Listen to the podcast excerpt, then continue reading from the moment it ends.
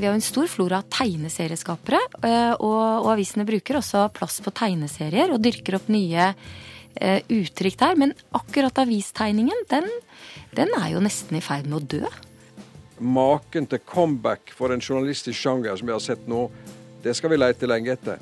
Det viser seg at tegningen var det som hadde kraft i seg til å eh, sette ting på dagsorden i en grad som nesten ingen hadde forestilt seg.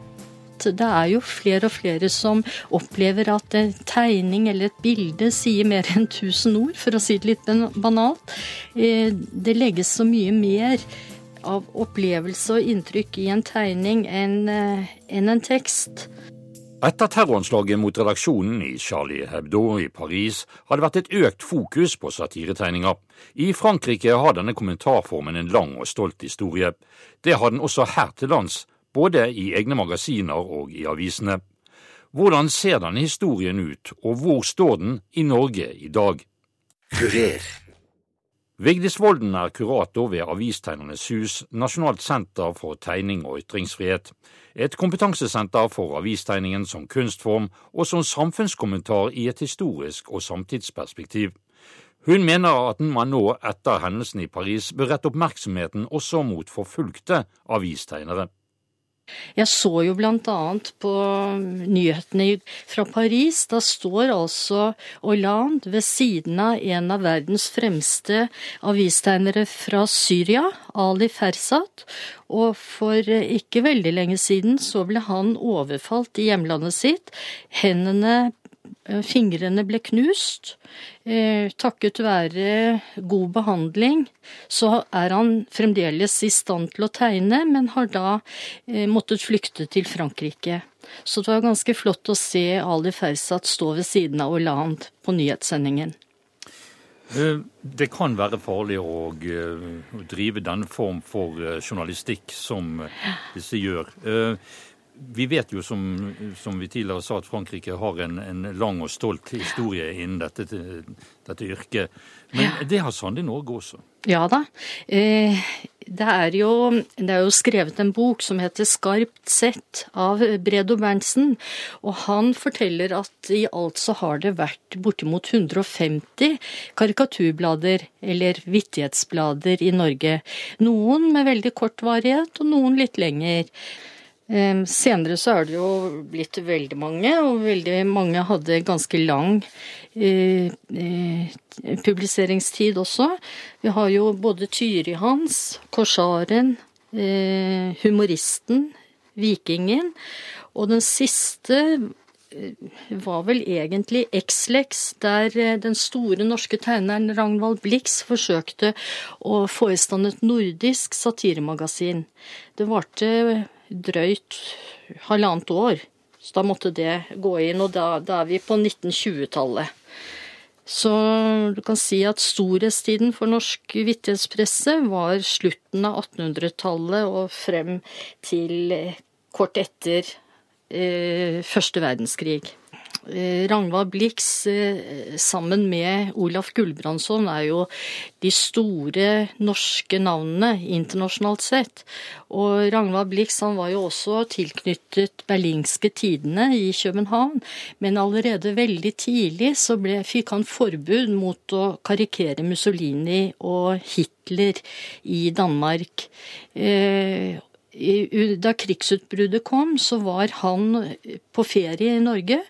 Eh, men rømte da til Sverige, der han fikk eh, tegne videre i Göteborg handels- og sjøfartstidning, som du forteller. Og der fikk han en veldig viktig rolle også for motstandsbevegelsen, både i Norge og i Danmark. For hans eh, satiretegninger der, de kom da på trykk i bl.a. Håndslag, altså motstandsbevegelsens lille illegale avis. Du sier vi, vi lever i et uh, relativt uh, fredelig hjørne av uh, Europa. Ja. Og, men det forhindrer ikke våre nåtidige karikaturtegnere for å, å, å, gå til angrep på makta både nasjonalt og internasjonalt. Nei da. De, de, er jo privilegert i den forstand at uh, man kan vel ikke si at uh, de blir stoppet noen gang. Uh, I den grad de stopper eller eh, sensurerer, så er det vel seg selv de sensurerer og setter en stopper for. Altså driver selvsensur, tror jeg de fleste tegnere sier. Det er ingen i redaksjonen eller utenfra som eh, stopper en avistegning som er kommet på trykk. Det har jo vært tilløp til kritikk fra forskjellige hold eh, som blir tatt opp i pressens faglige utvalg. Men eh, så langt tilbake som jeg har undersøkt, så har de blitt stoppet der, altså eller avvist. Den klagen som er kommet, er blitt avvist. Så det å være avistegner i Norge, det, det er ganske romslige rammer. Men når det er sagt, så kan vi vel ikke si at de utfordrer så veldig heller. Altså noen. Det er med unntak av noen, så er de jo ganske snille, da. Men Fra ditt, eh. ditt ståsted i, i Avistegnernes hus, hvordan ser du fremtiden for uh, avistegnerne her i, i, i landet? Eh, jeg ser egentlig ganske lyst på det. Fordi at det er jo flere og flere som opplever at en tegning eller et bilde sier mer enn tusen ord, for å si det litt banalt. Eh, det legges så mye mer av opplevelse og inntrykk i en tegning enn eh, en tekst. Eh, den virker mye mer direkte, gir assosiasjoner, er taler rett til hjertet, på en måte som eh, ord. Ord har en lengre vei å gå. Sa kurator Vigdis Volden ved Avistegnernes hus i Drøbak. Roar Hagen er en svært profilert tegner. Han deler sin strek med leserne av VG. Han sier dette om terroranslaget mot redaksjonen i Paris. Det var jo en, en kraftig påminnelse om hva slags mektig redskap dette her er, og hva slags eh, kraft det kan være i en tegning. Hvordan tenker du når du tegner? Tenker du på konsekvensen for deg selv? Ja, altså jeg tenker jo kanskje ikke så mye på det som jeg tenker på hvordan blir det du gjør, oppfatta. Eh, klart at eh, Før i tida så hadde vi mer en felles eh, referanseramme i Norge. I dag ser Norge annerledes ut, og verden ser annerledes ut. Og vi har fått internett og alt dette. Så du må alltid tenke på at det du gjør, Eh, blir lest og forstått i en uh, forskjellig kontekst. Og uh, Derfor så har det blitt langt mer krevende å være avistegner, men også selvfølgelig mer interessant. Så det, her må presisjonsnivået være må på si, veldig godt, da? Det må det. Det må det. Og, og, lenge før forrige karikaturstil så visste jeg jo selvfølgelig at, at for muslimer så er det å framstille profeten i bildet i seg sjøl utilbørlig, naturligvis, i, i, den kulturen. Og også harselas med islams tekster og profetens person. Eh, det er jo veldig tabu. Så, så, den som skal gjøre det, må jo i alle fall vite eh, Du må forstå hvorfor du gjør det. Og eh, at det blir oppfatta i, i, en spesiell kontekst. Slik som også antisemittiske tegninger blir, hvis du bruker det. I forlengelsen av, av, det du sier, så har det etter dette anslaget i Paris da vært snakk om hvor viktig det er å provosere, hvor viktig det er å tøye grensene hele tiden i demokratiets navn. Hvordan stiller du deg til, til det, sett med en avistegners øyne? Dette her er jo ikke noe annet enn det f.eks. kristne har måttet leve med i et par hundre år allerede. Og eh, altså, Rent personlig så har jeg ikke noe behov for å være blasfemisk eller sånn, for det er ikke akkurat min, ikke akkurat min min sjanger og min greie. Men jeg tror jo at alle dogmer og religioner har egentlig godt av det eh, i det lange løp. Og, og, vi vil vel ikke tilbake til en tid der kristendommen sto overfor kritikk. Det, det tror jeg knapt kirka sjøl ønsker. Eh, hvis man ser litt på dette yrket ditt eh, her til lands, eh, hvordan er det med rekrutteringen? Altså, den, den er jo litt avventende. fordi uh, mediene har jo det påfunnet at, at, journalistikken skal være gratis. Og når den skal være gratis, så får du press på budsjettene. Og mange eh, som står på frilanslistene, vil jo da selvfølgelig stå utsatt til. Det gjelder jo ikke bare avistegnere, det gjelder jo fotografer og spaltister av alle slag.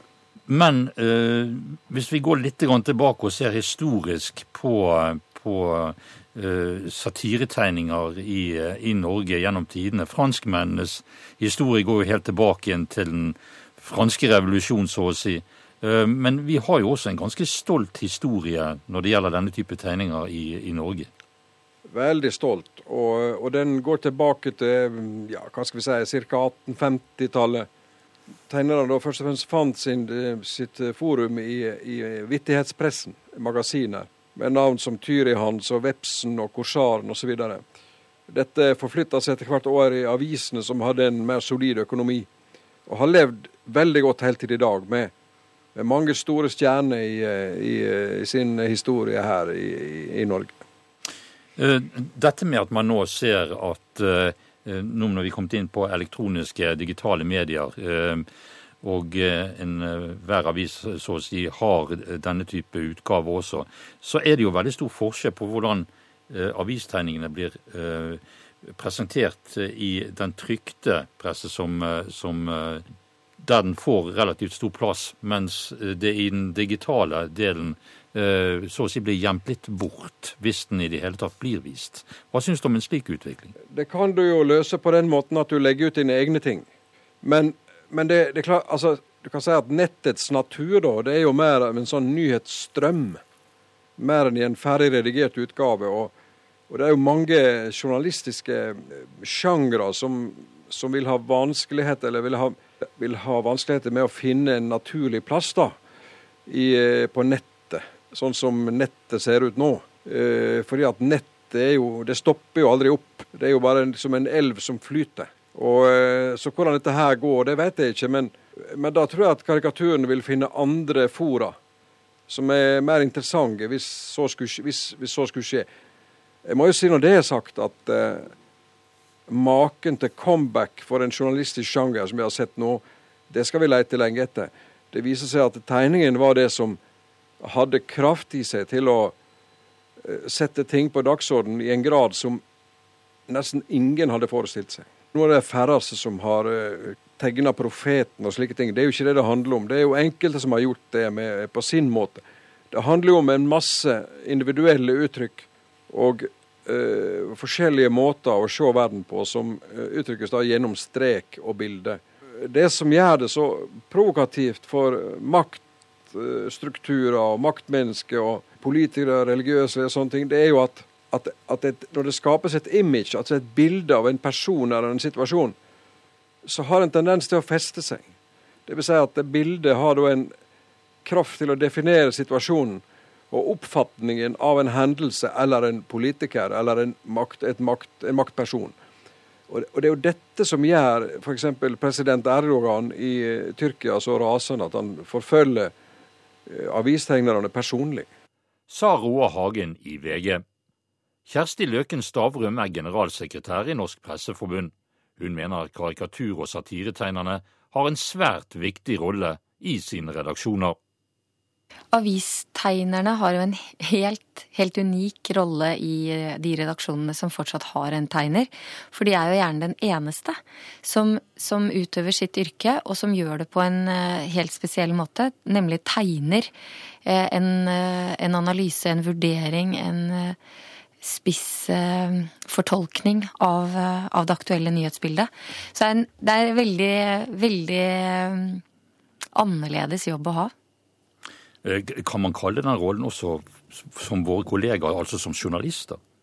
Ja, ja, absolutt. Absolutt. Men journalist òg. Fordi de er jo betraktere, de er eh, analytikere. De, eh, de, gjør jo research på sin måte. De må jo følge ekstremt godt med. Jeg vil, vel, jeg vil jo si at det å være karikaturtegner, og en dyktig karikaturtegner, er jo i elitedivisjonen innenfor eh, journalistikken. Eh, man kaller ofte deres arbeider for satiriske. Altså, Hvorfor er det viktig at eh, de med, med sin strek provoserer? Nei, for Ellers kan du si eh, Det finnes et uttrykk i, redaksjonen som heter langhalm. Det vil si at det er, det er langt uten noe særlig vesentlig innhold. Altså tekst er langhalm. Eh, og tegninger som ikke, som ikke, skaper noe engasjement, noe følelser, noe sinne eller eh, temperatur, det, det, er jo en form for langhalm, det òg. Det er jo bare, det er jo bare fyllstoff, egentlig. Um, vi så jo denne tragiske hendelsen mot uh, anslaget mot dette magasinet i Paris. Og uh, har, har, det gjennom dette fått en, en, en oppmerksomhet som gjør at, eh, at, man nå kan avkreve en slags ny respekt for, for dette faget? Ja, eh, det, jeg ser at Roar Hagen i VG sier at vi, nå har vi fått det sterkeste språket i verden. Og jeg tror vi alle er blitt klar over hvilket uh, potensial det ligger i, i, det å tegne. Og, og kanskje også blitt minnet om eh, hvilken verdi det å tegne har for å fylle ut samfunnskommentarene og, eh, og det redaksjonelle uttrykket. Men bør det være en grense for hva man kan ta opp, og, og måten man kan ta opp saker på eh, innen dette faget? Så det er jo alltid grenser. Det vil alltid gå noen grenser for, eh, for hva som er vellykket satire, eller hva man mener er en, en, en satire man ønsker å publisere. Og det syns jeg ikke er så vanskelig å, å, si, samtidig som vi står opp for ytringsfriheten i dag. Fordi det vi nå har eh, protestert mot, er jo at man ikke skal drepe fordi noen har ytret seg provoserende. Og Man skal heller ikke fengsle folk fordi de har ytret noe provoserende. Det er det de, den siste ukens demonstrasjoner går på. Og så er det jo også i Norge slik at noen ytringer er straffbare, f.eks. Og akkurat slik vil det også være noen redaktører som, som kanskje ikke ønsker å eh, publisere den tegningen, eller selv kanskje tegneren også ikke ønsker å, å tegne noe som man kanskje mener blir for drøyt, eller ikke eh, Eller at det går for langt på et eller annet uønsket vis. Det interessante er jo at tegneserier i Norge, de blomstrer jo opp, også digitalt. Vi har jo mange nå Eh, vi har jo en stor flora av tegneserieskapere, og, og avisene bruker også plass på tegneserier og dyrker opp nye uttrykk der. Men akkurat avistegningen, den, den er jo nesten i ferd med å dø digitalt. Men hva kan man si om, om plassen satiretegningene har i norsk presse, og har hatt opp gjennom historien? I Norge har avistegningen en god og stolt tradisjon. Vi har hatt mange, mange signaturer som, som, jo også leserne har kunnet følge gjennom mange år. Sånn at de har fått en, eh, de har fått en, eh, en tilknytning til Herb eller Blix eller Grødum eller Hagen eller eh, Finn Graff. Og, og, og kunne glede eller ergre seg, seg over det. Så, så, vi har mye å være stolt over der. Og det store spørsmålet er jo selvfølgelig da vil dette fortsette? Og det er ikke nødvendigvis sånn som vi ser det nå, nei. Sa generalsekretær i Norsk Presseforbund, Kjersti Løken Stavrum. Bredo Berntsen er statsviter og forfatter. Han har annet skrevet boken Skarpt sett historien om vittighetspressen i Norge. Han mener vi i Norge har en stolt historie hva angår satire og karikaturtegninger. Norge hadde meget tidlig en, en vittighetspresse. Eh, allerede i 1849 så, så, kom Krysseren, som jo er den, si, den første reelle uh, satiriske bladet i Norge. Allerede da begynner det. Uh, og så er det jo litt morsomt at Andrimner, som varte bare i 1851, der tegnet faktisk Henrik Ibsen karikaturtegninger. Men denne spedstarten, var, var, var den politisk rettet, eller var dette pur til underholdning? Nei, det som kjennetegner norsk eh, satirisk presse, er på mange måter at det speiler det politiske engasjementet. Eh, I utlandet var det ofte at det var liksom adelen og, og, og kongehuset og, og, vi si, rikfolk ofte, som det var. Det var jo større klasseforskjeller gjerne i disse landene. I Norge var den eh, satiriske pressen betydelig politisk preget. Fikk den noe å si så tidlig for for, for det politiske bildet? Nei, det er vanskelig å si det, egentlig. Eh, det er vanskelig å si hvilken innflytelse hun hadde, men, eh, men, eh, parallelt med det som skjedde i utlandet, så, så hadde vi en økende, en økende presse. Og vi kan jo si kanskje at Tyri Hans, som eksisterte i forskjellige utgaver, den spilte nok en viss rolle når det gjaldt unionskampene. Den var veldig antisvensk og veldig pro at Norge skulle løsrive seg fra Sverige frem til 1905. Så, så, det er kanskje et eksempel på, på en, en, en, et, et, stykke pressearbeid som nok påvirket eh, politisk opinion i Norge. Det tror jeg. Eh, av den flora av, eh, av tegnere, så å si fra Henrik Ibsen og, og, frem til i dag, hvem vil du fremheve som noen av de mest betydelige? Ja, Det er to som peker seg, peker seg ut, helt opplagt det er Blix og Gulbrandsson. De tegnet i norske Vittighetsblad en periode, men så, men så, kom de inn i, i, i Simpel, ofte populært kalt, eller Simplicissimus, som ble grunnlagt i 1896 i Tyskland. Kanskje det mest fremragende satiriske blad som har eksistert, med flotte fargetrykk. Der eh, tegnet de begge to, og utpekte seg der som meget dyktige. Noe senere så, så eh, vakte jo Blix eh, oppsikt bl.a. med en tegning han gjorde for Göteborg handels- og sjøfartstidene, hvor temaet si, var hans, eh, eller vår landssviker Quislings navn. Ja, da må man kunne si bare litt om det. Skal man se på disse forskjellige denne floraen av vittighetsblader som kommer og går i vårt land og i andre land, så kan man dele den i tre på en måte litt grovt. Det er eh, veldig mye det vi kaller underbuksekomikk, rett og slett. Eh, ganske enkle ting. Og så hadde du rett og slett en eh, nesten ren form for mobbing, kan du si.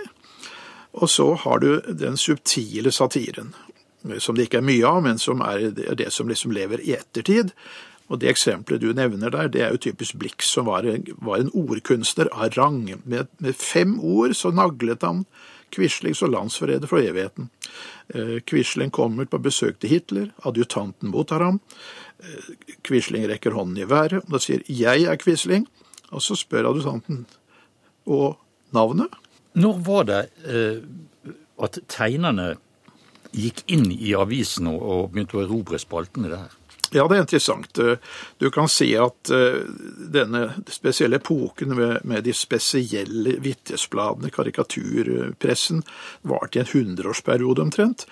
Eh, på slutten av mellomkrigstiden så glir forskjellen mellom Vitnesbladene og den ordinære pressen glir over i hverandre. Først hadde de vanlige avisene vært lange referater, kjedelige, lite illustrasjoner. Vitnespressen var morsom med disse tegningene, illustrasjonene og karikaturene som kvikket folk opp.